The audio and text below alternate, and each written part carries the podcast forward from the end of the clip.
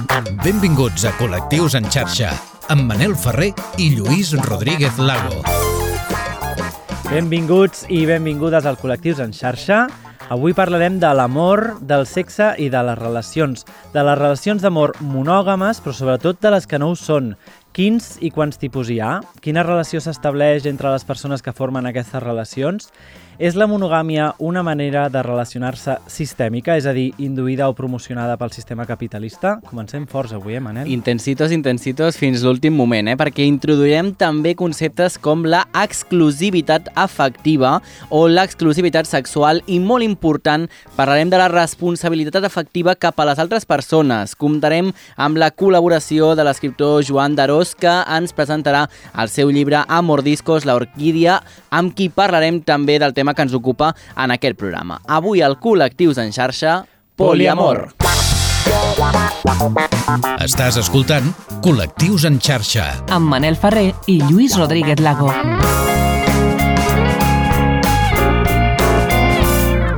En primer lloc, cal dir que si parlem d'etiquetes, en principi la de la monogàmia i la poligàmia no tenen per què ser etiquetes estables o inamovibles, que un cop escollides ens acompanyin durant tota la nostra vida. Són potser com històries d'Instagram, no? Que es poden borrar al cap d'un temps, i que per passen, exemple. O que la, exacte, o pots repetir-la o... pots repetir-la això o, o que es borri per sempre. Exacte. Mhm.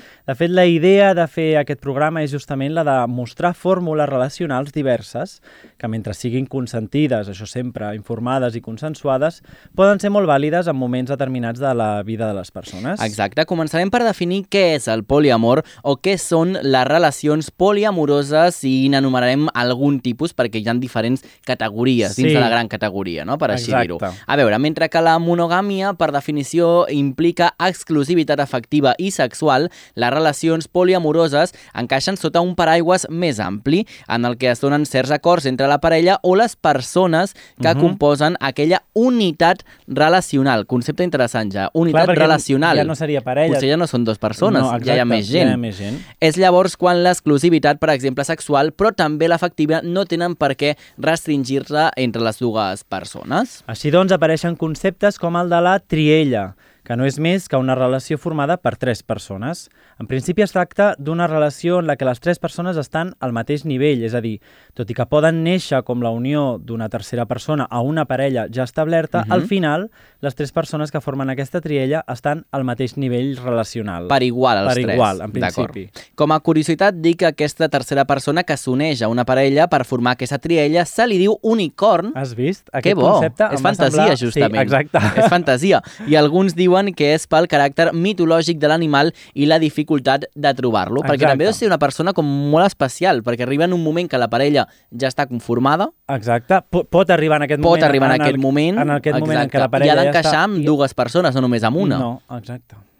Tot i que hem explicat que en aquesta triella totes les persones que estableixen aquesta relació estan al mateix nivell relacional, la relació no té per què establir-se sempre entre les tres persones que la composen. Això és complicat, eh? Sí, aquí es lia. Existeixen trielles en les que una de les persones té una relació amb les altres dues, però aquestes no tenen relació entre elles. És el que es diu una triella en forma de B baixa. És com el triangle amorós però no no s'acaba de tancar. No s'acaba de tancar. És una, una persona Mhm. té relació amb una altra i amb una altra, però entre aquestes dues no hi ha, no hi ha relació. Interessant. Una altra manera d'entendre les relacions dintre del mar del poliamor és la anarquia relacional. Aquesta opció és la que no estableix prioritats o jerarquies entre les relacions que s'estableixen entre les persones. És a dir, en una relació d'aquest tipus, una amistat de llarg recorregut, una parella sexual i un company d'habitació poden tenir el mateix pes i importància. Per tant, tots un per igual. Concepte. Tots per Exacte, igual. Tots per igual. Per últim, distingir entre les parelles obertes i, certes, i certs pactes que es poden arribar a establir des de la monogàmia i el poliamor Mhm. i les parelles, eh, la- la- per- perquè les parelles obertes en major o menor grau arriben a pactes en els que poden incloure de diferents maneres a altres persones en la relació. A vegades només des de la sexualitat, a vegades també des de l'afectivitat, si és que es pot realment separar una cosa de l'altra, perquè jo m'ho preguntava Clar, quan fèiem aquest guió, clar. no?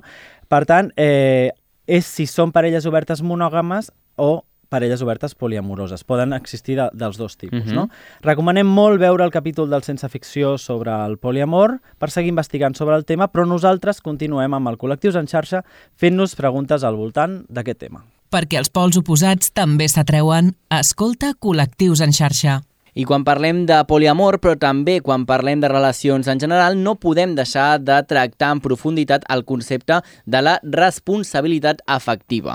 Establir una relació amb alguna persona, sigui monògama, poliamorosa, exclusiva o oberta, necessita de moltíssima comunicació, d'acceptació, d'aplicació d'unes normes, d'arribar a uns acords, i és que a vegades la paraula poliamor es pot malinterpretar. Establir una relació poliamorosa és estimar i de tenir cura de les altres persones, però no té res a veure amb allò de fluir i anar Sí. deixant cadàvers emocionals. Clar, no? allò que diuen, no, jo soc no? poliamorós, Clar. eh, no em comprometo amb res, al Clar. revés. No? A dir, hi ha molta gent que se n'amaga dins d'aquesta definició, però potser realment no estan ni aplicant aquesta definició, no? No, exacte. El Mhm. que són són solters o gent que Totalment. vol seguir soltera i anar picant d'aquí i allà, no? De fet, eh, m'interessa molt conèixer l'opinió d'una persona que realment practica el poliamor, què opina d'aquesta gent que es cola dins d'aquesta definició, Clar. perquè realment no representa el poliamor. clar. És Perquè quan- important, quan perquè come- fa mal també a la marca, Exacte, per així dir-ho. Exacte, Clar. perquè quan comences a investigar sobre aquest tema, el que, el que veus és gent no, compromesa amb establir relació amb més d'una persona, però de, des d'una confiança, no des d'unes normes... des Estàs parlant des del rancor, Lluís. Ho has de deixar aquí. No! Estàs parlant des del rancor directament. Sembla que estiguis parlant d'algú concretament. Però bé, com diem, això pot tenir relació amb el poliamor o no, perquè un pot eh, anar deixant, com dèiem, aquestes víctimes emocionals, intentant establir parelles monògames des d'una posició poc o gens sincera. Per això parlàvem d'aquesta comunicació i que és important establir totes Ah, aquestes clar. bases des d'un principi. En definitiva, enganyar la teva parella no és tenir una relació poliamorosa. Exacte. Important.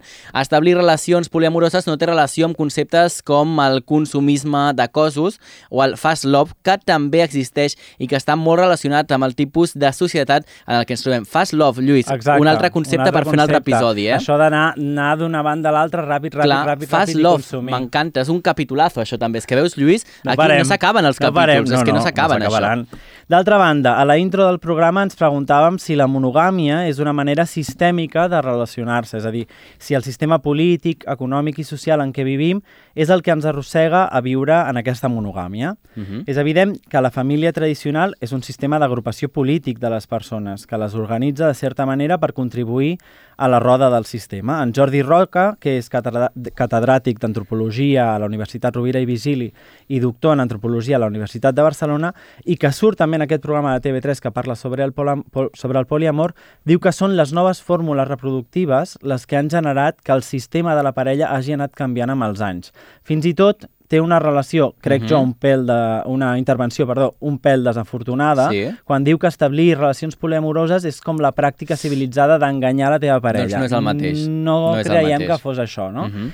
Penso que aquesta és una visió molt heterocèntrica, no? el fet de dir que el, això de, de, de, de les fórmules reproductives, dels canvis en les fórmules reproductives, és el que fa moure Clar. uh, aquest sistema de les parelles, perquè al final s'oblida, aquest, aquest, aquesta persona s'oblida de que les dissidències i les persones que hem viscut sempre en els marges, no? Mhm. o que ens han fet viure en els marges de la societat, són les que han tingut més facilitat per trencar amb aquestes normes sistèmiques Clar. de la monogàmia i són les que ara estan reclamant Mhm. o fent públics models de relació diferents. No? El cas Exacte. és que hi ha persones que un cop experimenten el poliamor, això també ho, he, ho hem Sí. sentit, se senten més felices que quan, segons elles, deixen d'esforçar-se per ser una bona persona monògama. Exacte. I és que, arribats a aquest punt, ens podríem fer diverses preguntes. Una podria ser, quina fracció del pastís creiem que és cultural i ens fa assumir i aprendre, no, a interioritzar que la monogàmia és la situació més natural que es pot donar, no? I quina part és intrínseca de l'ésser humà, és a dir, Exacte. quina part ens la, ens la porta la societat i quina Mhm. part és nostra La portem realment, nostra. la portem nostra, no? Mhm. d'aquesta- d'aquest tipus d'agrupació. I d'altra banda, quan definíem el concepte de monogàmia, eh, aquesta pregunta l'he fet a més d'un amic i, Sí? i, a, i a més d'una amiga i ens costa, ens costa trobar un punt. A veure què, què em A penses veure. tu, eh? eh? Quan parlàvem de la monogàmia, dèiem que la monogàmia implicava una exclusivitat sexual, però també afectiva. I llavors la pregunta seria, es poden exclusivitzar els afectes?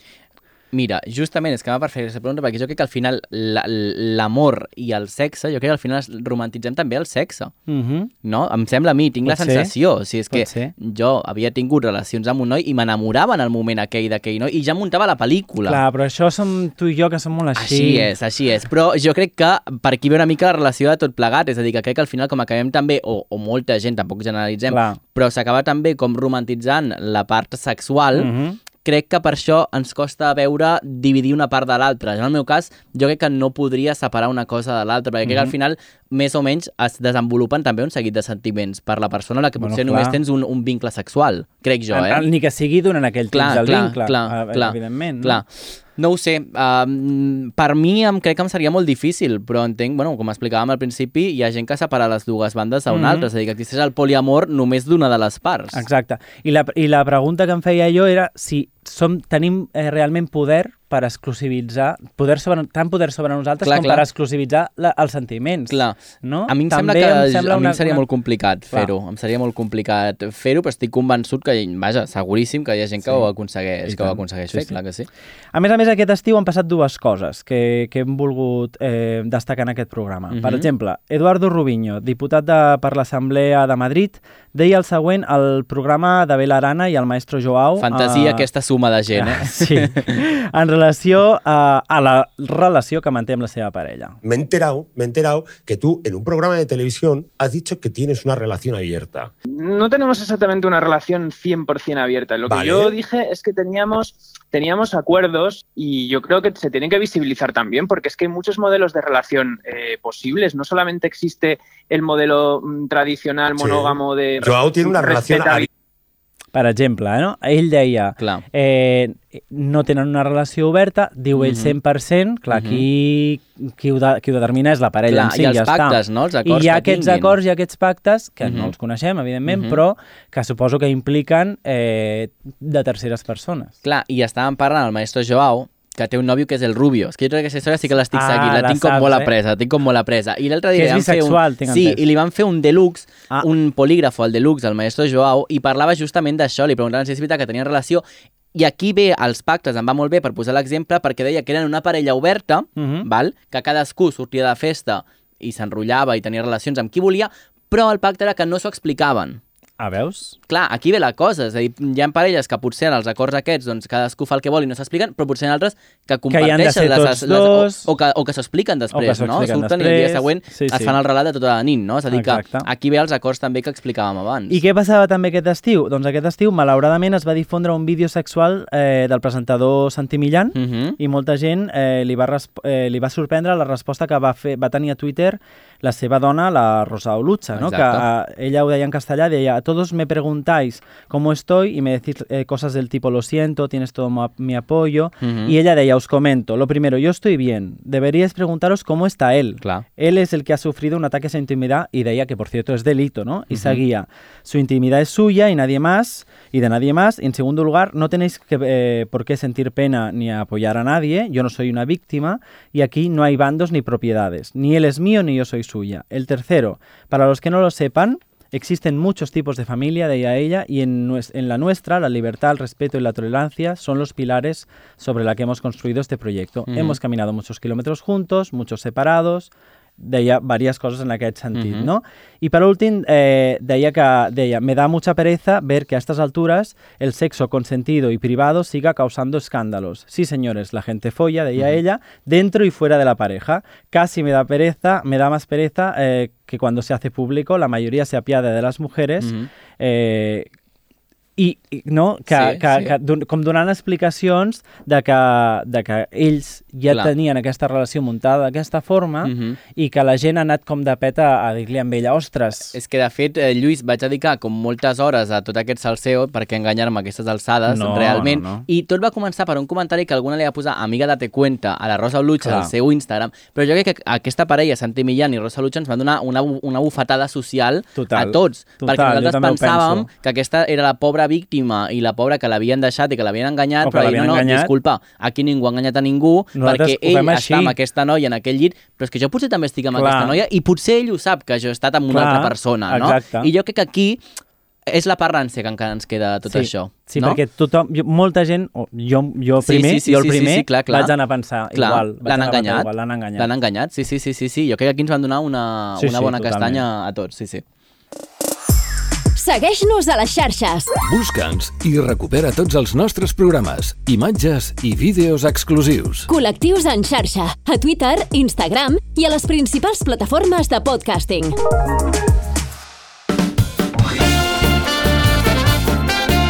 I en aquest capítol del Col·lectius en xarxa tenim la gran sort de tenir amb nosaltres de convidat en Joan Darós, actor, traductor i ara també autor del llibre Amordiscos la orquídia de l'editorial Niños Gratis, que el tinc aquí, l'estic ensenyant per qui ens veieu. Sí. sí és una edició xulíssima, Mhm. moníssima, que a mi m'ha agradat molt, molt, moltíssim tenir. Eh, per qui ens estigueu veient per YouTube, aquí, aquí el teniu, el Mhm. podeu aconseguir segurament. Ara ens ho explicarà, Ara ens ho en explicarà, Joan. sí. Què tal, Joan? Què tal? Bona vesprada. Què tal, com estàs? Molt bé. Moltes gràcies per estar amb nosaltres aquí al Col·lectius en xarxa. Explica'ns una mica què és aquest Amordiscos la orquídia i què volies explicar quan vas escriure aquesta novel·la. Doncs és una novel·la que és, és complicat de classificar. Jo diria Mhm. que és entre no, novel·la negra, eròtica, eh, social, Mhm. perquè tracta de diferents temes en molt poques pàgines, crec que són vora 150 les Mhm. pàgines que té, i és, és entre lleugera, perquè podria ser una lectura d'estiu, i al mateix temps els temes que, que toca són prou densos. Així que és un poc complicat explicar què és això. Mira, Joan, uh, sempre hi ha una pregunta que la fem al final, però la faig gairebé al principi perquè em sembla que molta gent, mentre ens està escoltant, està amb l'ordinador i amb el mòbil i ja et pregunto com podem aconseguir el llibre, perquè Clar. potser hi ha molta gent que mentre anem parlant cercarà el llibre. Com es pot comprar el llibre? Doncs mira, allà a Catalunya m'agradaria saber-ho més de memòria. Sé Sí? que el Noa Noa, que és una llibreria Sí. que està Sí, a Gràcia. està segur. I després la, la forma més fàcil és el web de Niños Gratis, niñosgratis.com, Mhm. Mhm. que és la, el La web dels, dels editors. Molt Ahí és molt fàcil. Molt bé. Sé que eh, no treballen grans xarxes, però a llibreries de barri petites estarà segur, i si no està, poden anar a demanar-la i que els llibreters envien un correu a Niños Gratis Mhm. i estan encantadíssims d'enviar el, el llibre. Molt bé. Molt bé, com sempre, llibreries de confiança, que això ens agrada eh? molt. Quilòmetre zero que ens agrada Exacte, molt. exacte. Escolta'm, Joan, eh, t'hem convidat perquè en aquell llibre també hi ha una relació poliamorosa entre els adults que la protagonitzen i avui estem justament parlant del poliamor al col·lectiu en xarxa. Com vas pensar en aquest model de relació per als protagonistes? Doncs no ho vaig pensar, i trobo Mhm. que això és la clau. Va, va sorgir d'una forma molt, molt natural. Són una, una família, eh, òbviament no heteronormativa, Mhm. que simplement eh, l'eix al voltant el qual eh, es organitzen és l'amor, sense més. I és un amor que, que inclou a dos homes, una dona i una xiqueta, que és la, la filla de- d'aquestes tres persones. I estan oberts a que puguen aparèixer més persones o fins i tot desaparèixer, no de forma fosca, sinó que entenen la, la relació com un, un nens orgànic Mhm. que creix, que muta i que pot incloure a més o menys gent. Però no hi havia una agenda de, darrere d'això, eh, no ho vaig plantejar en absolut, no, no hi ha, he de confessar que no hi ha una tesi, tampoc tinc una Ah. opinió formada al respecte, Mhm. però sí que trobo que a- al marge de la heteronormativitat qualsevol cosa cap, i per aquesta gent això cabia. Mhm. Però uh, la idea potser és perquè, o aquesta naturalitat és perquè ho vius en el teu entorn? Home, jo crec que eh, els que estem al món LGTBQ+, Mhm. bàsicament coneguem molt poques parelles que siguin tancades i que creguen en la monogàmia i una vegada dit això hi ha tantes opcions, Clar. tantes combinacions i tants graus de pacte com parelles coneguem i quan dic parelles estic parlant d'unions, una parella igual de 3, 4... Mhm, això que dèiem. Mhm. Però jo diria, m'atre- m'atreveria a dir que el, el que ja no hi ha i el que ja està fora de, del paradigma és aquesta creença medieval en la fidelitat sexual que passa per fer una promesa que no es pot complir, que és que mai més desitjaràs ningú. Totalment. De fet, eh, ara feies ús d'aquesta, no, d'aquest concepte parella, però és que justament això, és que dir la paraula parella potser ja és una cosa com molt del passat, no? de pensar en una etiqueta de que una parella seran sempre dues persones, i és el que tu deies també abans, que al final el concepte de parella és també molt orgànic, no? perquè al final potser en un moment hi ha dues persones, en un altre hi ha tres, en un altre hi ha quatre, i després potser tornen a haver dos, no? I tant, sí, el que passa és que això és purament lingüístic perquè les, les altres paraules que de moment hem trobat per a definir-ho no, no m'agraden gens, Mm. mm. de trieja... O... Sí, Sí, sí nosaltres hem parlat fatal. de Triella en aquest programa, sí. Sí, sí, sí em, sona, em sona molt, molt malament. Però Mhm. també crec que és una cosa de fonètica, sense més. Però sí, jo trobo que la, la parella al final és, és un pacte entre unes persones que Mhm. decideixen que s'estimaran, mentre puguin estimar-se, i, i qualsevol cosa que no siga porosa em sembla que és molt poc honesta. Ja. Bueno, és això que, que preguntava en el, en el programa, no? A, a, aquesta promesa que deies tu, suposo que, que passa per, per, per aquesta exclusivització del, de les del, dels sentiments o de les afectiva, no? Que és, és difícil de, de manar sobre això i al final quan, quan establim aquesta parella estem, estem com arribant a un pacte que tu deies al principi, jo estic en un moment que potser mm -hmm. ho he de madurar, però, mm -hmm. però tu deies, és, estem, estem intentant donar una promesa o fer una promesa que no, difícilment sabem si podrem arribar a complir, no? Aquesta uh, exclusivitat afectiva.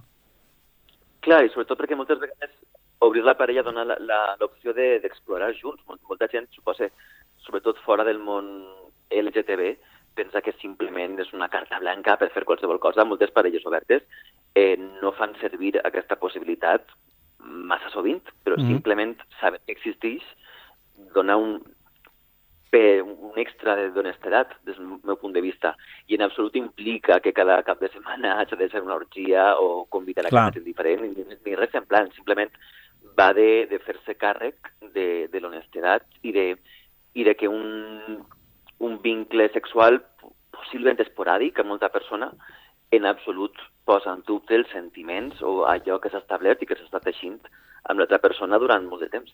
Mm -hmm.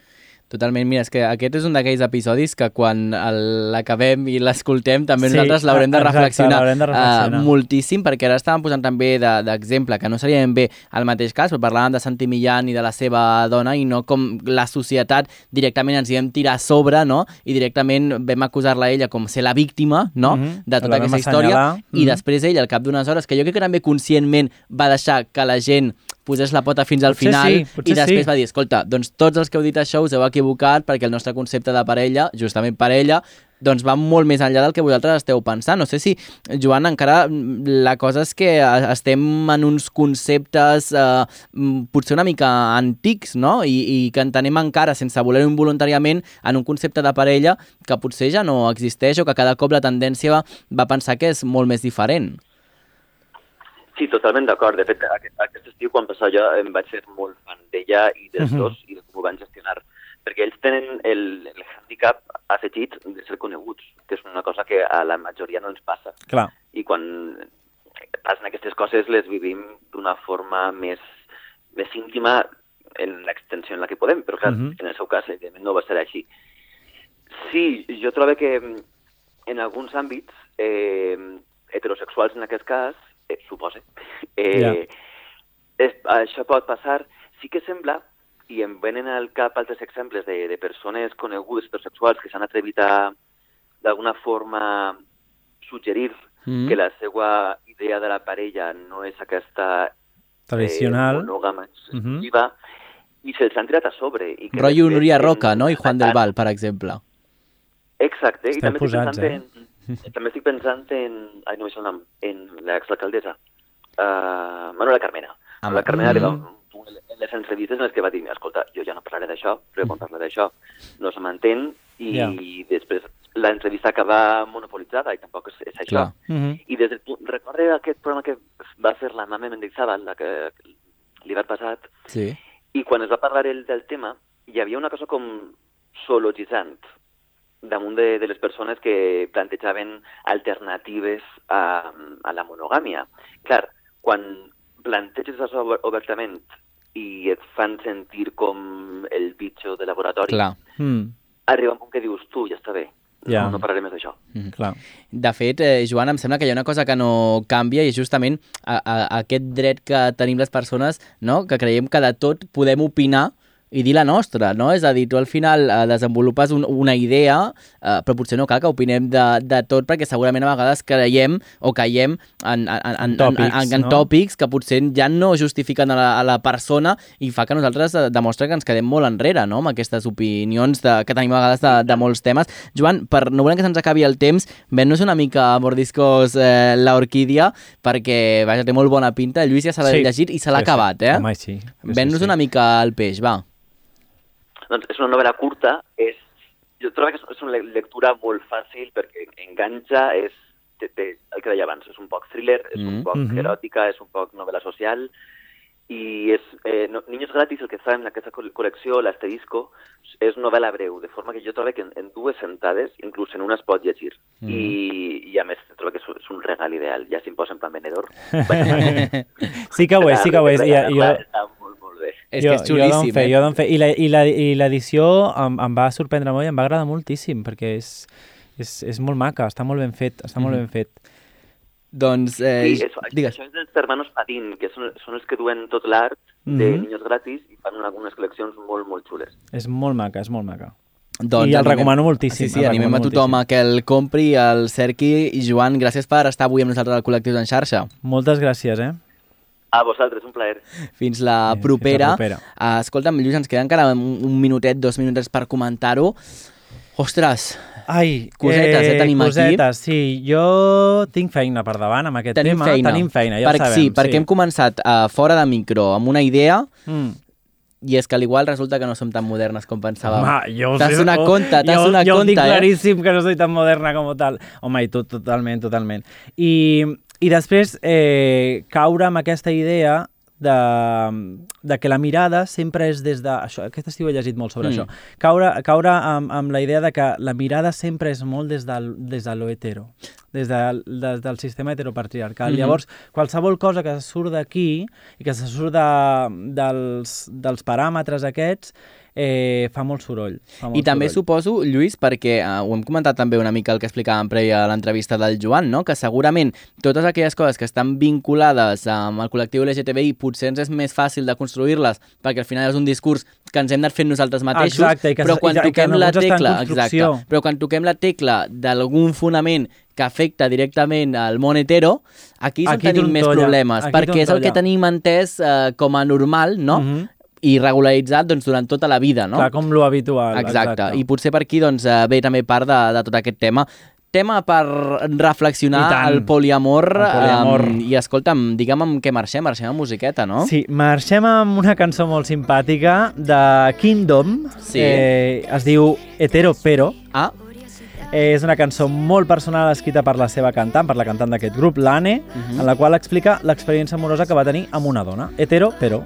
exacte. Doncs hetero pero, lletra petita, no? Podria Exacte. dir, doncs marxem també agraint la feina del Carles Soler Piqué a les vies de so i Mhm. a l'edició i eh, també doncs, en aquest programa presentat i dirigit per Lluís Rodríguez Lago i per mi mateix Manel Ferrer. Tornem la setmana que ve amb I un tant. nou programa reflexionant, no? Exacte. exacte. Vinga, que vagi molt bé. Adéu. Adéu.